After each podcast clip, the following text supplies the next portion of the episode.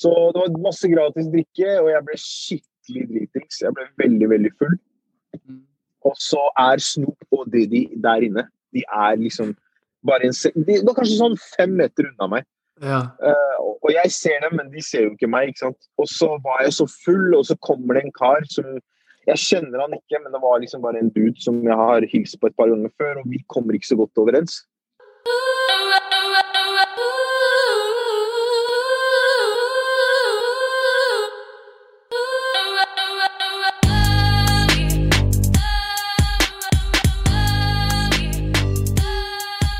Velkommen til Marvin's Room. Jeg er Marvin, og i dag så har jeg med meg Jay Rashidi. Velkommen. Tusen takk skal du ha, Marvin. Takk skal du ha. Veldig hyggelig å bli invitert. Som jeg sa til deg før vi starta, at yeah. uh, det her er første podkasten jeg har blitt invitert på. Så skjæra til alle vennene mine som har podcaster og aldri har invitert meg. Mm. Dere er assholes. så Jay, fortell meg, hvordan har du det?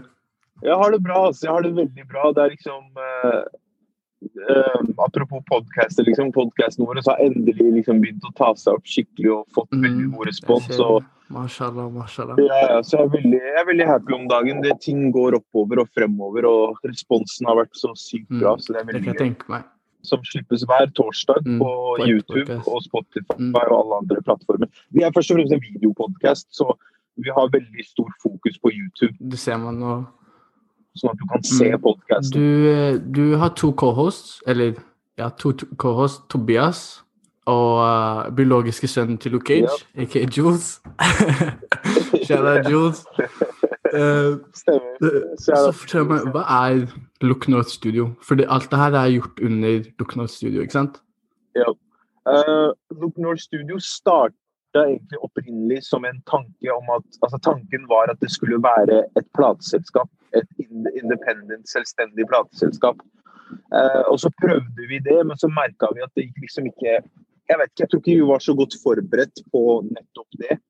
Så, Mm. så det ble liksom litt sånn satt på hold, litt på is, og til vi fant ut av en, en bedre plan da, for å utføre liksom visjonen bak selskapet. Og visjonen bak det nå er nettopp det å ha et produksjonsselskap som vi eier selv, og som uh, vi kan på en måte bygge opp da, ved å starte nye konsepter under Look North. Og det Mm. første prosjektet vi har starta med, det er denne podkasten, men det kommer liksom flere ting. da. Så vi Mm. starta med det som et slags springbrett. Så målet er å gjøre det om til et stort produksjonsselskap hvor vi bare gjør masse kreative prosjekter. Mm. Det er jeg faktisk den ideen der, altså. På ekte, den har jo tatt av skikkelig. Og jeg ser, man virkelig ser at dere jobber hardt for å oppnå alt dere oppnår nå.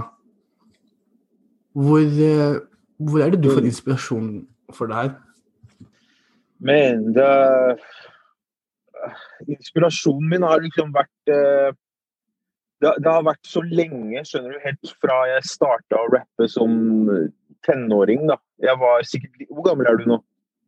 Jeg er 15. Du er 15. ja, Jeg var rundt den alderen når jeg Mm. tenkte liksom Altså, jeg begynte å rappe før det, men jeg var rundt den alderen når jeg fant ut at jeg tror jeg skal gjøre det her seriøst. Jeg var kanskje 16 ish.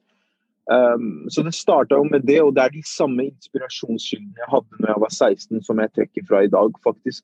Um, merkelig nok. Og, men det er sånn jeg bare følger med på hiphop-kultur. Jeg tror den største kilden til all inspirasjon jeg har, er gjennom hiphop-kultur, gjennom liksom musikk og mest spesifikt hiphop. da Mm. Og av forskjellige artister og mennesker som er involvert og bidrar til den kulturen. Det drar jeg veldig mye inspirasjon fra. Når var det du liksom innså at rapp er noe du vil drive med i fremtiden? Istedenfor Uh, det var nok på videregående. mm. Som sagt, jeg var kanskje sånn 16-17 ish. Det var da jeg fant ut av vet du hva, jeg skal gjøre det her seriøst. liksom. Jeg skal pursue det, jeg skal forfølge det og, og, og prøve å gjøre det til en karriere. da.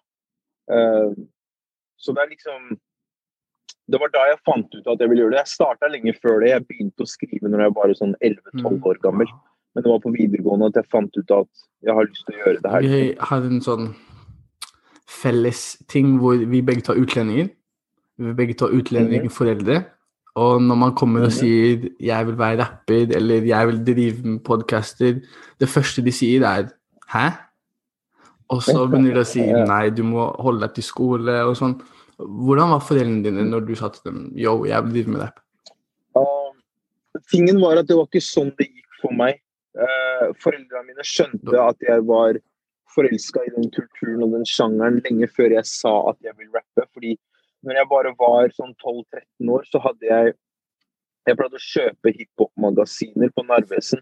De solgte liksom noe som het Mm. The Source og Double XL, som var liksom sånn hiphop-magasiner som ble sett på som bibelen i hiphop. skjønner du? Sånn, hver måned så Ja. kom de med en ny utgave, og da kunne du sjekke ut Mm. intervjuer av artister og fete bilder og masse sånn. Og så Mm. pleide jeg å kjøpe de, og så pleide jeg å henge de opp på veggen min inne på soverommet mitt og dekke liksom fra taket og ned til gulvet med bare bilder fra de magasinene. Så når moren min kom inn, hun bare Hva skjer her inne, liksom? Hvem er, hvem er alle disse svarte mennene med bling-bling og kjeder og durags på, på veggen din, liksom? Mm. Og så bare sa jeg at det er liksom Mm. favorittrapperne mine. Hun, bare, og hun var veldig støttende. Hun bare å, så kult, så gøy. Så hun, hun reagerte veldig positivt til det. da. Men hun så, de skjønte jo allerede da at ok, den greia her er noe du virkelig brenner for. da. Det var liksom, det var det og Mm. basketball, liksom. Ja, ja, ja. Så det var, det var jeg starta liksom parallelt med det, da. Mm. Du vet, fordi jeg føler for Når jeg sa til mamma at jeg vil drive med podkasten min, hun sa sånn du, du kan gjøre hva du vil, men jeg vil at du skal holde deg til skole. Og at du skal gi 100 til skole, like mye som du Ja. gjør med den podkasten her. Og jeg føler folk gir kanskje gir kanskje utlendingsforeldre litt sånn dårlig litt sånn dårlig rep, fordi de, de er så på med den skolegreia. Men de kommer jo til Norge for å forbedre livet sitt, og for at vi skal ha en bedre sjanse. Så føler du at Føler du at du måtte ha en plan B? Uh, ja, jeg følte at jeg følte at jeg måtte det, og foreldrene mine sa jo det, de òg.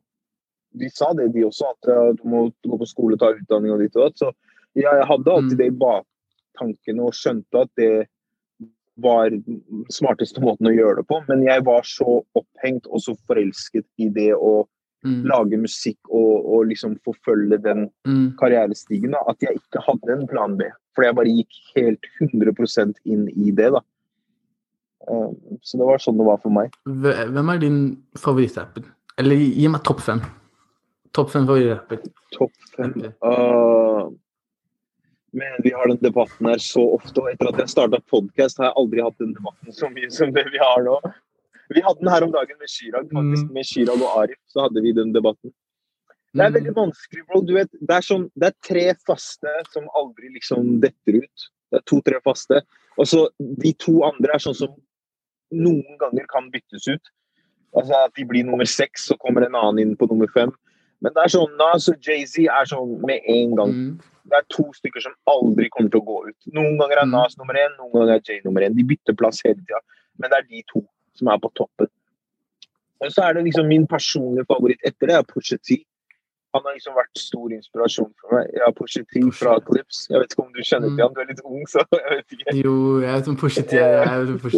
Han, han, han hadde beef med Drake for ikke så lenge siden, så det er sikkert Ja, det er der ja. Ja.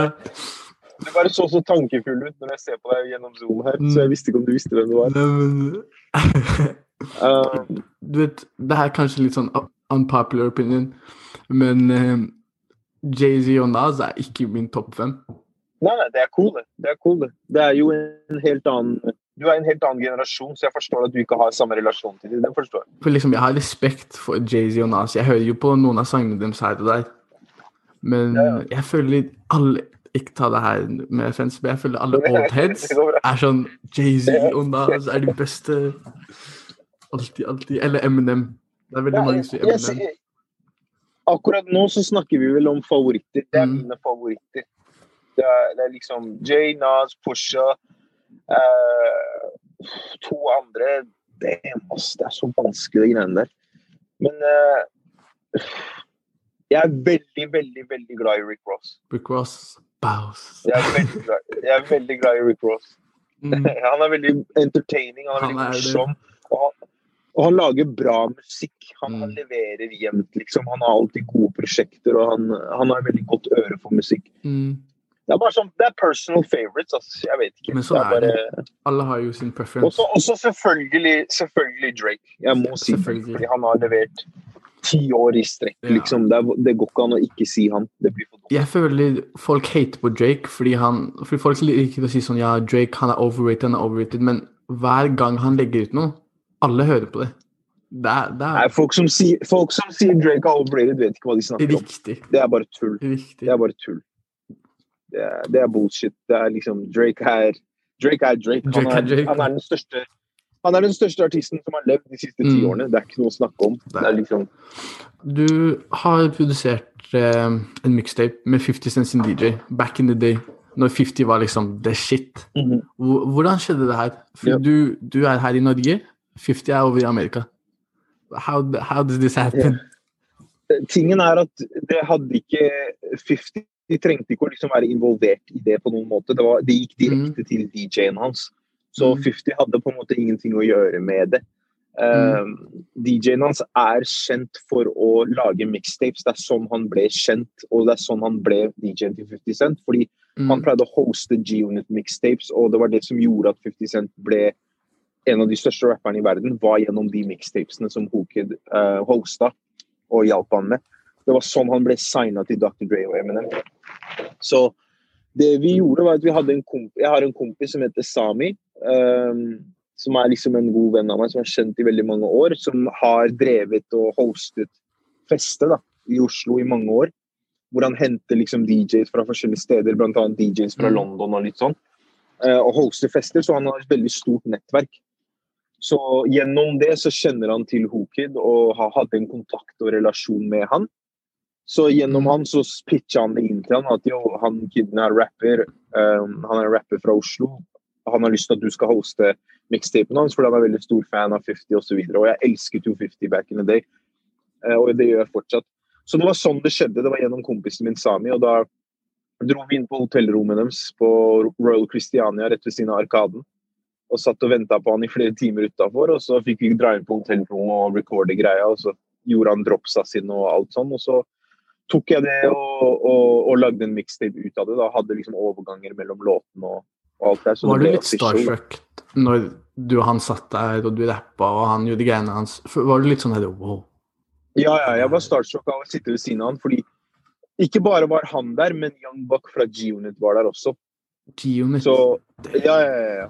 Eh, Lloyd, Lloyd Banks var der også. Jeg fikk ikke snakka med Lloyd Banks, men Mm. uh, Young Buck var der. Han stakk liksom hodet sitt ut av hotelldøra fordi han drev og festa inne på hotellrommet uten å gå Mm. inn for mange, for, for mange detaljer. Ja. Um, så det er liksom uh, det, det, var, det var veldig special moment. da. Det var sånn Shit, det er DJ 50, og det er Young Buck, liksom. Så Mm. det, det var crazy. Det var crazy. Men Jay, jeg må spørre deg. Hva skjedde med deg eh, på afterpartyen med Snoop og Diddy? Har Jules snitcha nå? Jeg, vet ikke hva som har sagt der, Altså. I don't know. I don't know. Det som skjedde, var at Snoop og Diddy hadde en afterparty. De var på turné. Så de spilte konsert på Oslo Spektrum. Mm. Og så hadde de afterparty på et eller annet utested i byen. Og Mm. så hadde storebroren min hadde liksom tilgang dit. Da, så han fiksa at liksom, jeg kom inn på VIP-seksjonen og alt det der.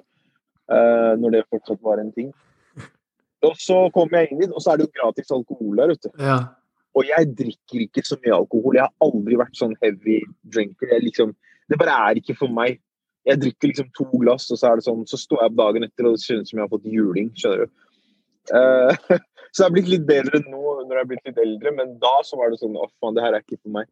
Så det var masse gratis drikke, og jeg ble skikkelig dritings. Jeg ble veldig, veldig full. Mm.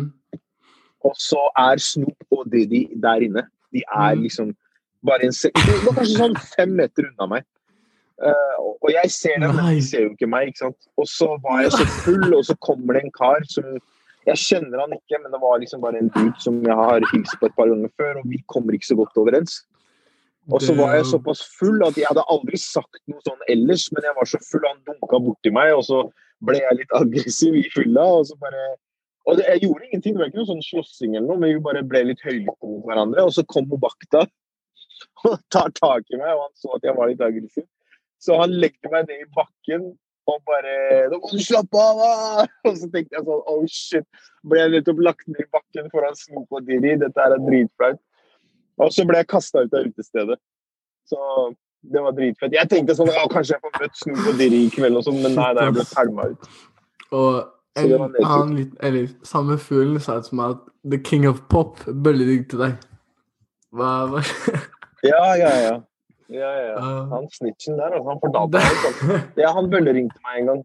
Eh, jeg er jo barndomsvenn med Omer. Omer Bhatti, hvis du vet hvem det er. Så Omer er jo kjent i veldig veldig mange år, så gjennom han så pleide han å Han pleide å ringe meg når han var liksom i USA og var forskjellige Mm. steder da, på tur og sånn. Så en gang så bare ga han, ga han telefonen til han, da. Eh, og så bare hadde han sånn derre sånn der talk Ja. der, sånn derre mm. som disguiser stemmen din.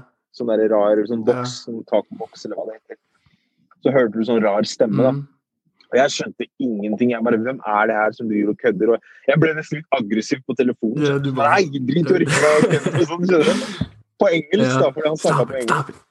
Og så fikk jeg, fant jeg ut da, i senere tid av Omer at liksom Nei, nei, det var eh, det var Michael som ringte deg, liksom.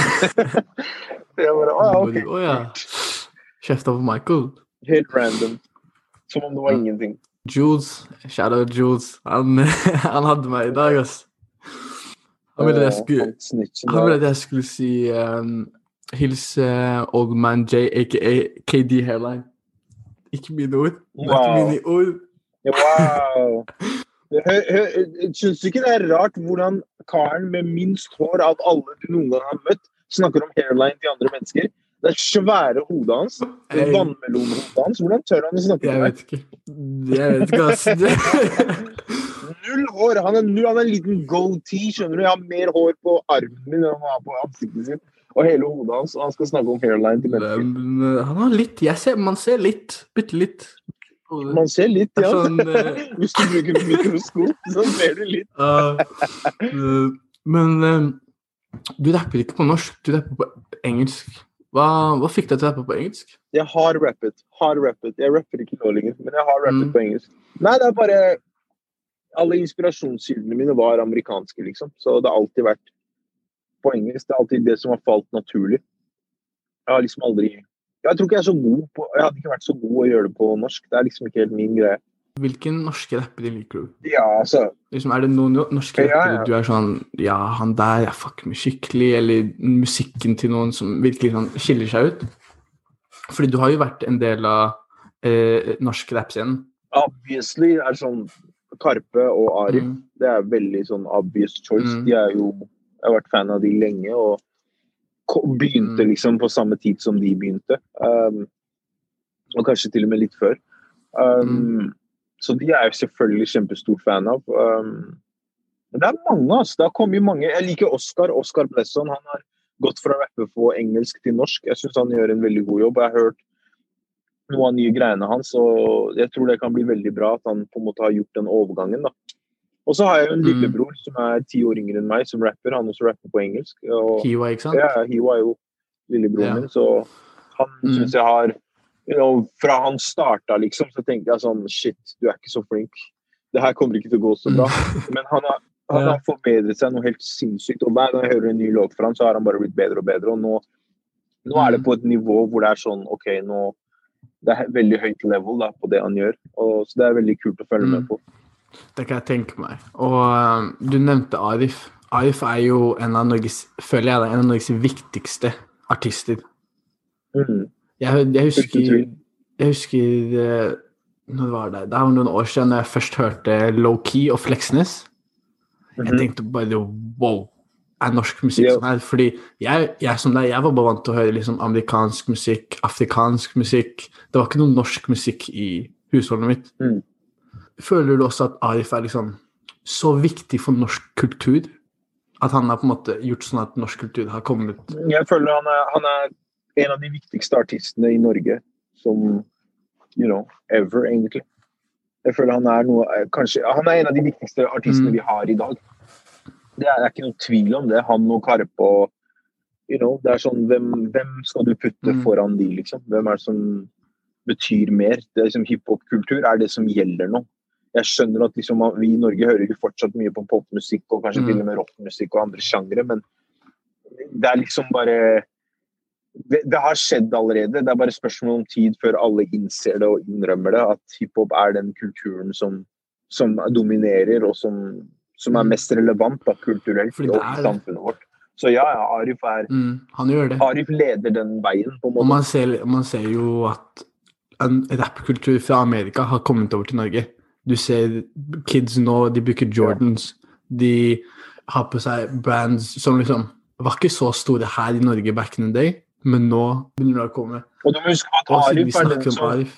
Er den som har hjulpet å, å fremskynde den prosessen og den overgangen med hvordan han rappa på Mm. norsk. For liksom, som du sa i stad, sånn, han var den første artisten som jeg hørte rappe på norsk, og han fikk det til å høres jævlig kult ut.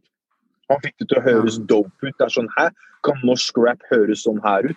Så han har på en måte bridga Mm. den gapen. Da. Han har liksom gjort at det, at det har blitt mye mer Ja, bare rett og slett mer eh, underholdende å høre på og følge med på. Syns du, syns du han fortjener mer creds?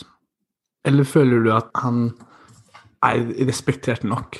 Fordi innimellom jeg føler at noen folk setter ikke, så, setter ikke like mye respekt på Arif som de burde gjøre. Men sånn kommer det alltid til å være. Um, jeg tror liksom Jeg tror det er mer med det at Norge er så Vi har så sterke tradisjoner og kultur som, som ikke helt har catchet opp til hiphop-kultur enda. Uh, det trenger å liksom bare fornyes Mm. litt mer, og når det skjer, og man implementerer det mer inn i kulturen vår, så vil man automatisk gi mer lys og anerkjennelse til artister som Arif, som driver med hiphop-musikk. Så jeg tror det er mer det at Mm. Kulturen vår må catche opp til det. Og siden vi snakker om Arif, vi kan ikke snakke om Arif og snikekultur uten å nevne Mike. Mike er broren min, kjære Mike. Han er en av de hyggeligste karene jeg har møtt i mitt liv. Sånn genuint. Hvordan, eh, du har hatt ham på podkasten din. Hvordan ble du kjent med han? Uh, jeg tror det var bare sånn gjennom det at de så at jeg lagde musikk. Og da hadde han begynt å jobbe med Arif tidlig i karrieren hans. Så var det sånn Å, shit, vi har felles venner. Eller vi har felles interesser. Så bare gikk det på en måte derfra, da. Så det var Mm. nok bare det at vi var i samme omgangskrets og samme miljø. Og så endte vi opp i samme rom sammen flere ganger, liksom. Og så bare ble man kjent, da. Sånn helt naturlig. I den samme episoden så diskuterte dere to sko. Og Jay, når jeg sier det her, jeg sier det her med respekt. Jeg har aldri møtt noen som snakker om sko på måten du og han gjorde på oss. Liksom det, det liksom Man kunne se dere hadde en sånn det der er ingenting. Det der, der Hvor er det? Hvor er det? Du skal se når vi er alene. Det der er ingenting. Jeg tenkte, jeg tenkte vi, kan ikke, vi kan ikke tråkke for mye på gassen foran kamera, for folk kommer til å dette av. De kommer til å tenke hva er det de nerdsa her prater Mm. om? Du skal se oss når vi er aleine. Det er sånn Da går vi i dybden av det, liksom. Sånn tungt nedi det. Og det, det kommer fra basketballkultur. Det kommer fra basketball, fordi all sneakerkultur stammer jo igjen fra hiphop og basketball. Så hvis du har vokst opp og spilt basket, så er, det, er sneakers mye mer spesielt. Fordi sneakers er en del av det å spille basket. Det er en del av hele opplevelsen med å være basketballspiller. og Ta på deg de skoene og føle at du har Michael Jordan og føle at du kan fly. Føle at du har LeBron James eller Mm. whoever. Så det er nok Mm. der det kommer fra. Fordi det, når det, det og diskuterte snikerkulturen her i Norge de to visste hva de snakka om. Hva, liksom, når de snakka om Jordan Jeg så at Jules han, han visste ikke liksom, det var ikke, Han var med i samtalen, men han, Ja, datt ut. Hva, hva, hva er din favoritt-Jordan? Ja, jeg husker Mike spurte meg om det her på episoden, så innså jeg at jeg svarte feil. Så takk for at du spør det nå, for nå får jeg rette det opp. Min favoritt-Jordan er Jordan 11 Concords. De er fra, de er fra 1996. Mm, jeg- De er hvite med sånn svart, svart lakk rundt. Jeg elsker de skoene der. Ja. Han hadde de på seg i Space Jam-filmen, men i Mm. Space Jam-filmen hadde han på seg i svart. Oh, Det er Space Jam-elverne. Så i hvit, de originale, den første som kom. Hvit med svart lakk rundt. Jordan 11 Concords. Det er, de, det, er, det er en av de beste sneakersene som noen har blitt lagd. De er insane. Hva er de sånn Vi kan ikke ta topp fem. Vi kan si topp tre sneakers of all time. Det er de der, det er de der og Jordan 11. Uh, ja, altså Jordan 11 og så Jordan 1. Mm. De første De første. Jordans, ja. Um, åh, fuck, hva er neste? Air, Air Force Ones. Air Force helt Ones? plain Air Force, Air Force Ones er, Air Force One er classic. Classic. Det er sånn, det går aldri ut. Mm. Men jeg liker ikke de der standard Air Force Ones. Jeg liker når de er f.eks. Rockefeller Air Force Ones eller de Virgil gjør, eller de når de putter litt mer materiale i det og litt Litt mer sånn kvaler på det. Ikke de der du får ja, ikke de der tynne du får på fotlaker, Mm. for de blir ødelagt etter at du har gått med dem to ganger. Ja, bro. De der, man Det går sånn to uker, så kan du Det er som sokker liksom, noen man kaster i. Det Ja. Jeg tror favoritt-Jordans mine er kanskje de Jordan Ones, men de første Chicago som kom ut. Ja, ja, det er De er så kline. Ja, ja.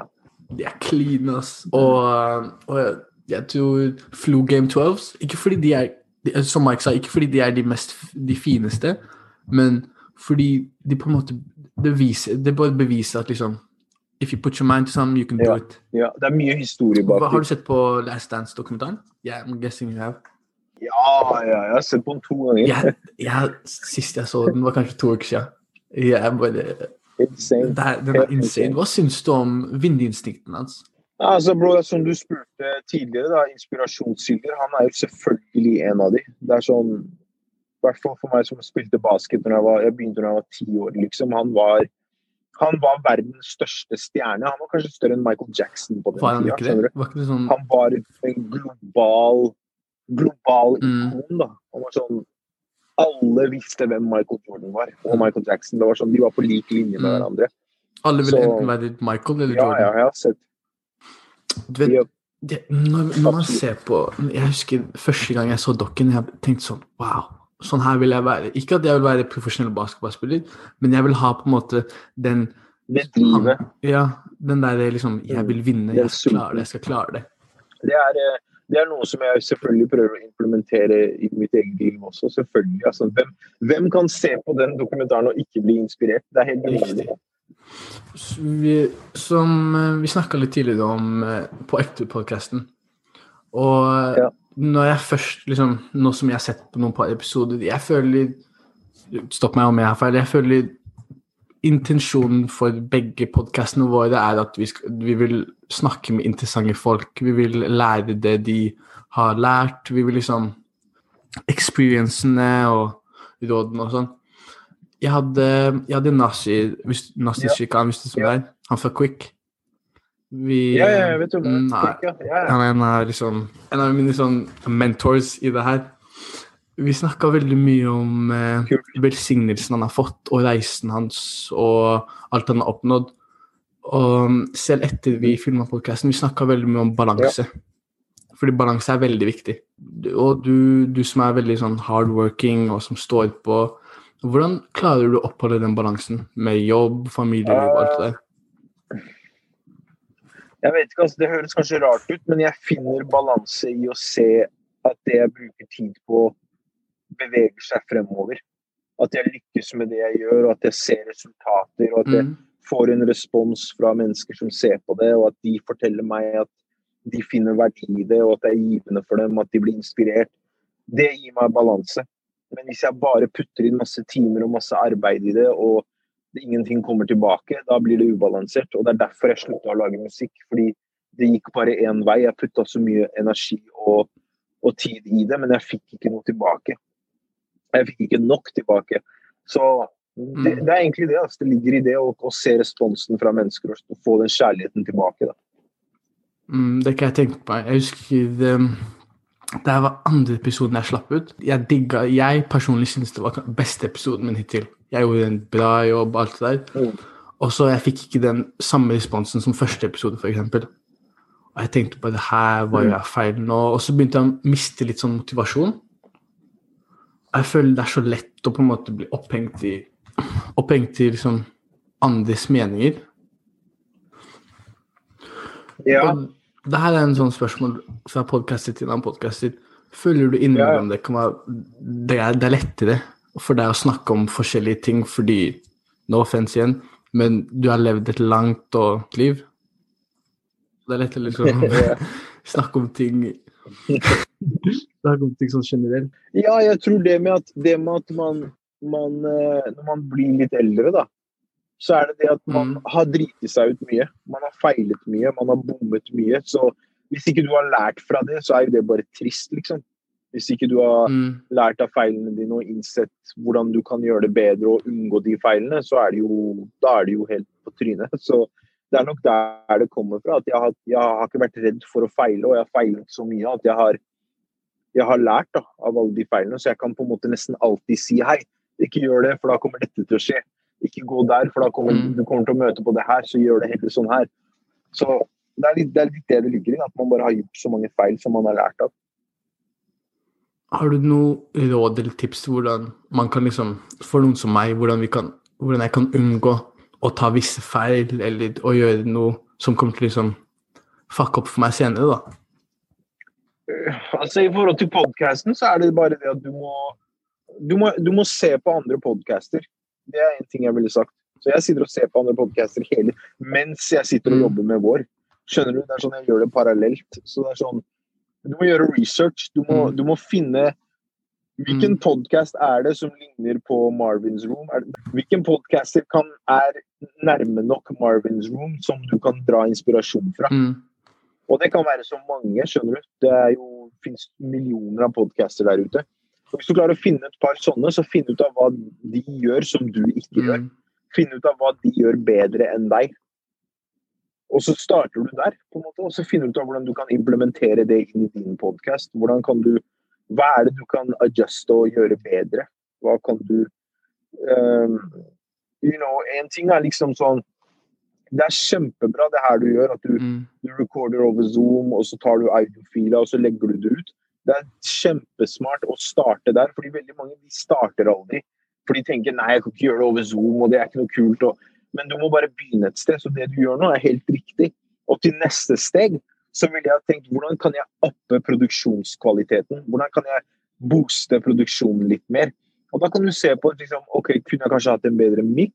Kunne jeg kanskje, Skulle jeg ha kjørt kamera? Skal jeg legge det ut på YouTube? Eller kanskje vi ikke skal gjøre det? Men bare tenk på, fordi podcast er, er audioformat. Det er basert på lyd. Så det er veldig viktig å tenke på hvordan man kan få den beste lyden som mulig. Fordi det er halve opplevelsen. Ikke sant? Hvis jeg skal høre på en podkast, og lyden din er for så vidt bra, jeg har hørt på et par episoder, men det er sånn man kan alltid bli bedre.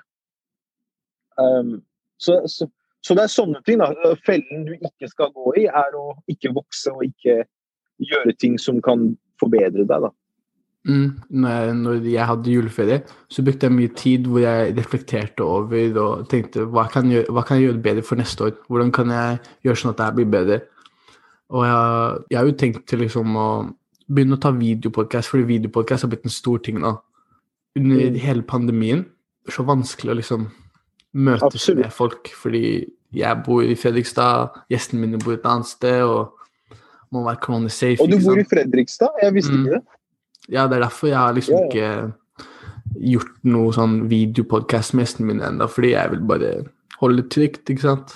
Selvfølgelig, det er en kjempevanskelig tid Mm. vi er i nå, liksom. Og det, det gjør det Mm. enda vanskeligere. Men derfor er det her du gjør nå, kjempesmart. At du bare ringer folk opp og uh, uh, recorder samtalen, og så legger du det ut på Spotify. Det er kjempesmart. Du må gjøre det du kan Mm. med det du har, liksom. Så bare fortsette fortsett med det, og, og se på det som en bra start. Og så når muligheten tilbyr seg, så upgrader du. Mm, setter jeg veldig pris på. Hvordan, eh, hvordan ble du kjent med Jules? Fordi du og han, dere har sånn morsom dynamikk. Dere, dere kødder rundt, dere Det er gjennom, eh, det er gjennom lillebroren min. Uh, Jules er en Mm. god venn av lillebroren min, og det er også Tobias. Eh, og samme med Aman. Så alle gutta jeg jobber med nå, er egentlig bare eh, kompiser av lillebroren min, fordi de er i samme omgangskrets, og de har vokst opp sammen. Så det er, det, det er sånn jeg kjenner han og de andre gutta. Det er rett og slett gjennom eh, forholdet deres til lillebroren min, til Hiwa. Hva var din første encounter med Jules? Liksom Fucka dere med hverandre med en gang, eller var det litt sånn Nei, det var bare sånn random hei og hå. Det var, eh, jeg husker Han fortalte meg en gang jeg møtte han, for han spilte jo basket på sentrum. Så vi møttes eh, Jeg hilste så vidt på han på en basketkamp, men vi hadde ikke en samtale. Det var bare sånn å halla. Eh, mm, Og så var det en annen gang vi tilbrakte litt tid med hverandre. på Vi arrangerte sånn fest. Vi hadde sånn egen klubbkveld. Um, Mm. Vi hadde vår egen DJ, og jeg spilte bare DJ, og litt sånn, og da hang vi litt sammen og snakka litt sammen. Men det var liksom, det var bare veldig gradvis. Og så, og så gikk det kanskje et år eller to uten at jeg snakka med han.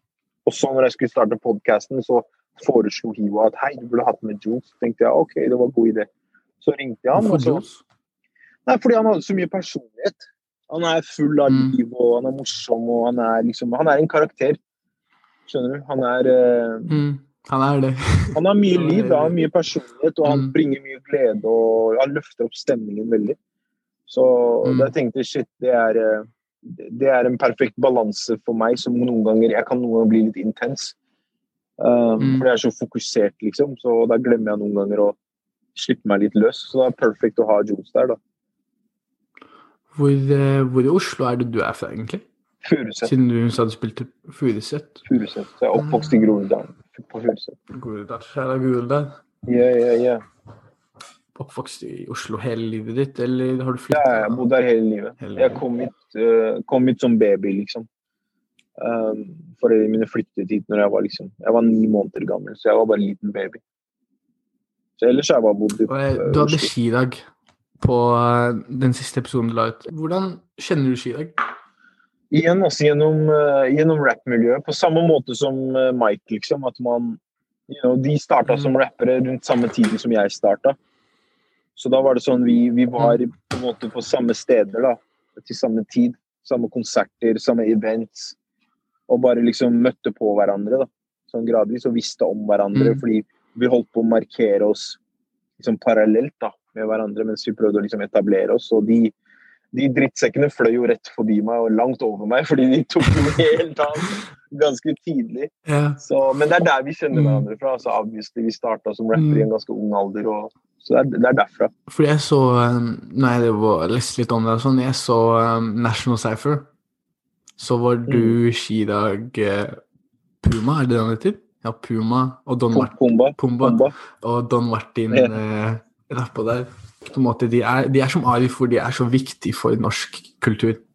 De er basically norsk historie nå, er, er, ikke? De eh, Ikke basically, de er. Ja, de er. De er, de er i Nasjonalbiblioteket. Exactly, there you go. Ja, de er i Nasjonalbiblioteket. Så det er, det er norsk historie. De er ved siden av hva, var det? Norges første håndskrevne bibel. Edvard Munch.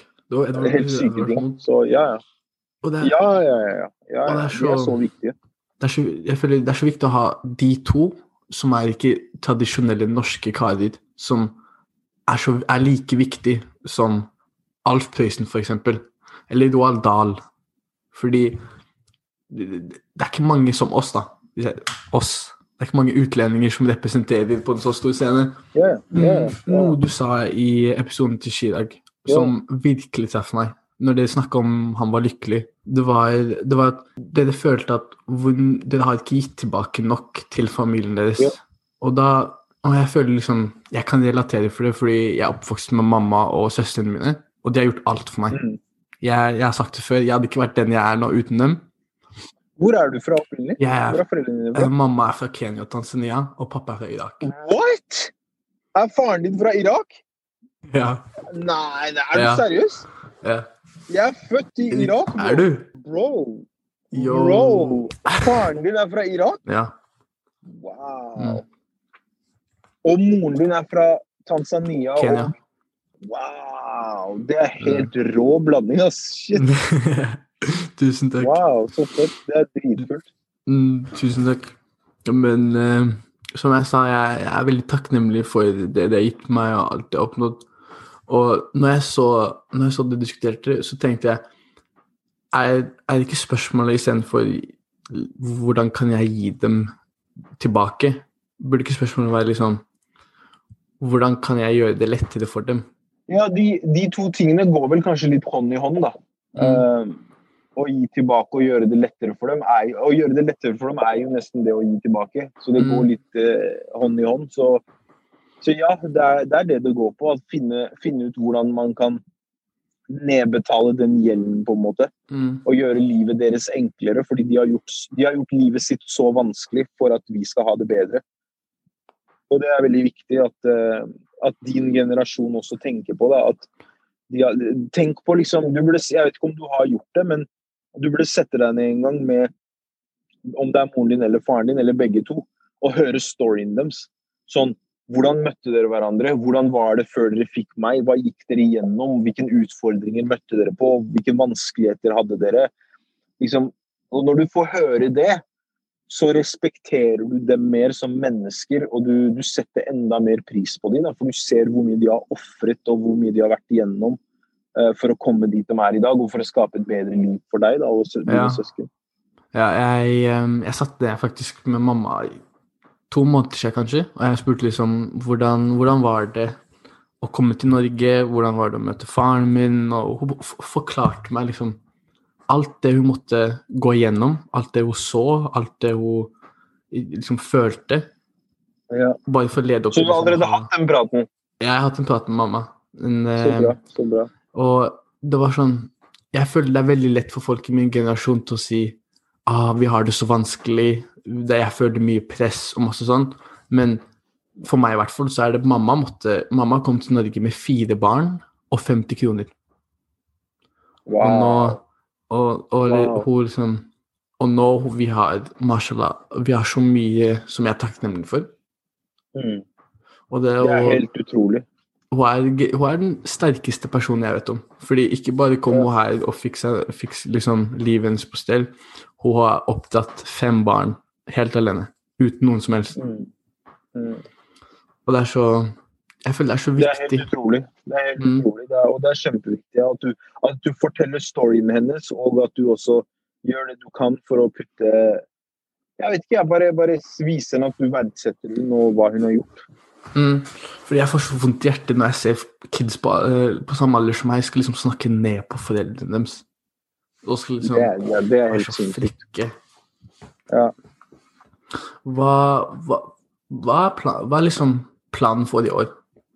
Det, vet jeg, det er vanskelig å liksom se hvor året går fordi korona og alt det der.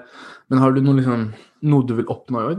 Jeg, jeg føler ikke at ting er så veldig vanskelig sånn sett. Det er, det er en vanskelig tid vi er i, men heldigvis så er vi i en såpass god situasjon at vi fortsatt klarer å gjøre det vi trenger å gjøre, om det er å skape ny content eller skyte podcaster og sånne ting. Så fokuset er å bare fortsette å bygge Mm. Look North som et brand.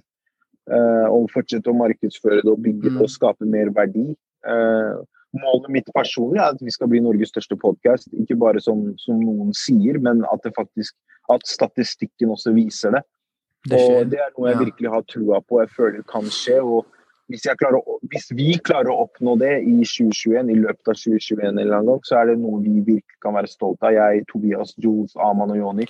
Så det er noe vi kan virkelig være stolte av, fordi vi har gjort alt det her på egen hånd uten noe backing sånn i form, i form av økonomisk støtte. da.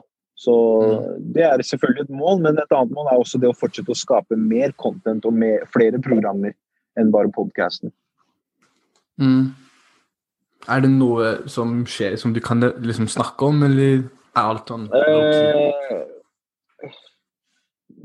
det, det jeg kan si, er Mm. liksom sånn Igjen, da. Jules er en veldig stor og har en sterk personlighet. Så jeg tror det ville vært naturlig å på en måte, for meg i hvert fall, å, å, innbille meg han og se på meg han Mm. i en posisjon hvor han fortsetter å utvikle nye konsepter. Mm. For han har så mye personlighet, og jeg tror han hadde Han kan skinne da, uh, i en sånn setting. Så jeg tror og håper at Mm. det kommer mer eh, fra den kanten, uten å si altfor mye. Det, Du sa det der, altså, egentlig. Det var godt sagt. Jeg pleier alltid å spørre gjestene mine som kommer på, om de har noe livsråd for unge folk der ute. Livsråd Du kan ta Um, tid til å tenke, fordi det er et liksom, stort spørsmål. livs, Det er liksom bare Man må bare være fryktløs. Det er sånn, Mm. Hvis du er redd for noe, hvis det, hvis det gir deg angst, hvis det gir deg uh, you know, Du blir bekymra når, når du tenker på noe du vil gjøre som gjør deg glad, Mm. og så gjør det deg glad, men idet du skal utføre det, så blir du usikker, du begynner å tenke, du begynner å nøle, du stopper opp, du får ikke sove. Den følelsen der som stopper deg fra å gå til den tingen som gjør deg lykkelig, den må du face, du må finne ut av hva det er. Du må ikke rømme fra den, du må, du må bare angripe den og bare finne ut av hvorfor føler jeg sånn her, hvorfor tenker jeg sånn her. For det er ingen som stopper deg enn deg selv. Du er din Mm. verste fiende, liksom. Du må bare Du må bare gå. Det er ingen i verden som stopper deg fra å gjøre hva du vil. Ingen har stoppet deg fra å starte din egen podkast. Ingen stopper deg fra å ombestemme deg i morgen at du sier vet du hva, jeg vil ikke lage podkast, jeg vil bli skuespiller i Hollywood. Mm. Det er bare å gjøre det. Det er ingen som står i veien for deg. Det er opp til deg. Du må selvfølgelig jobbe hardt, du må være tålmodig, du må være positiv. Men ingen står i veien for deg. Da. Det er helt opp til deg selv. Så, da, og da må man face liksom, frykt og, og angst man har for ting. Eh, for det er det eneste som holder deg fra å være der du vil være. Mm. Du sier noe der, altså. Det er ingen som kommer til å stoppe deg. Ja, ja, absolutt. Jeg føler det med å sette i gang er kanskje det vanskeligste. Det må liksom sette seg ned, lage en plan, virkelig sitte, sitte og starte. Jeg føler det er alltid det vanskeligste. Det er ikke det vanskeligste. Eh, jeg skjønner at det oppleves sånn, og jeg også har opplevd det på den måten før. Men det er ikke det vanskeligste. Det er bare det at i det man skal utføre det, eller tenke at nå må jeg sette meg ned og så må jeg gjøre så og så mange ting, så er det det at man har et feil perspektiv på det. Man tenker at, fordi Fakta er jo det at du må, du må utføre fem-seks ting til planen din er igangsatt. Men Mm. ingen har sagt at du må gjøre de seks tingene samtidig. Det som gjør det vanskelig, er at vi tror at vi må gjøre seks-sju ting samtidig. Det du trenger å gjøre, er bare å gjøre én av de riktig. Bare start ett sted. Så hvis første steg er at du må skrive ned hva planen din er, så tenk at OK, jeg har egentlig bare én ting å gjøre i dag. Jeg må skrive ned en plan. Og er, er det å skrive ned en plan vanskelig? Det er jo ikke det. Det er ikke det. Så hvordan kan man si at det er vanskelig? Det eneste du trenger å gjøre, er sette deg ned på Mac-en eller dra frem penn og papir. Du skriver ned en plan. Boom. Steg én utført. Neste uke Neste uke så starter du på neste hver neste. Jeg må begynne å ringe rundt. Jeg må kontakte folk som kan være med på planen min. Så fokuserer du bare på det. De neste to-tre dagene skal jeg bare ringe.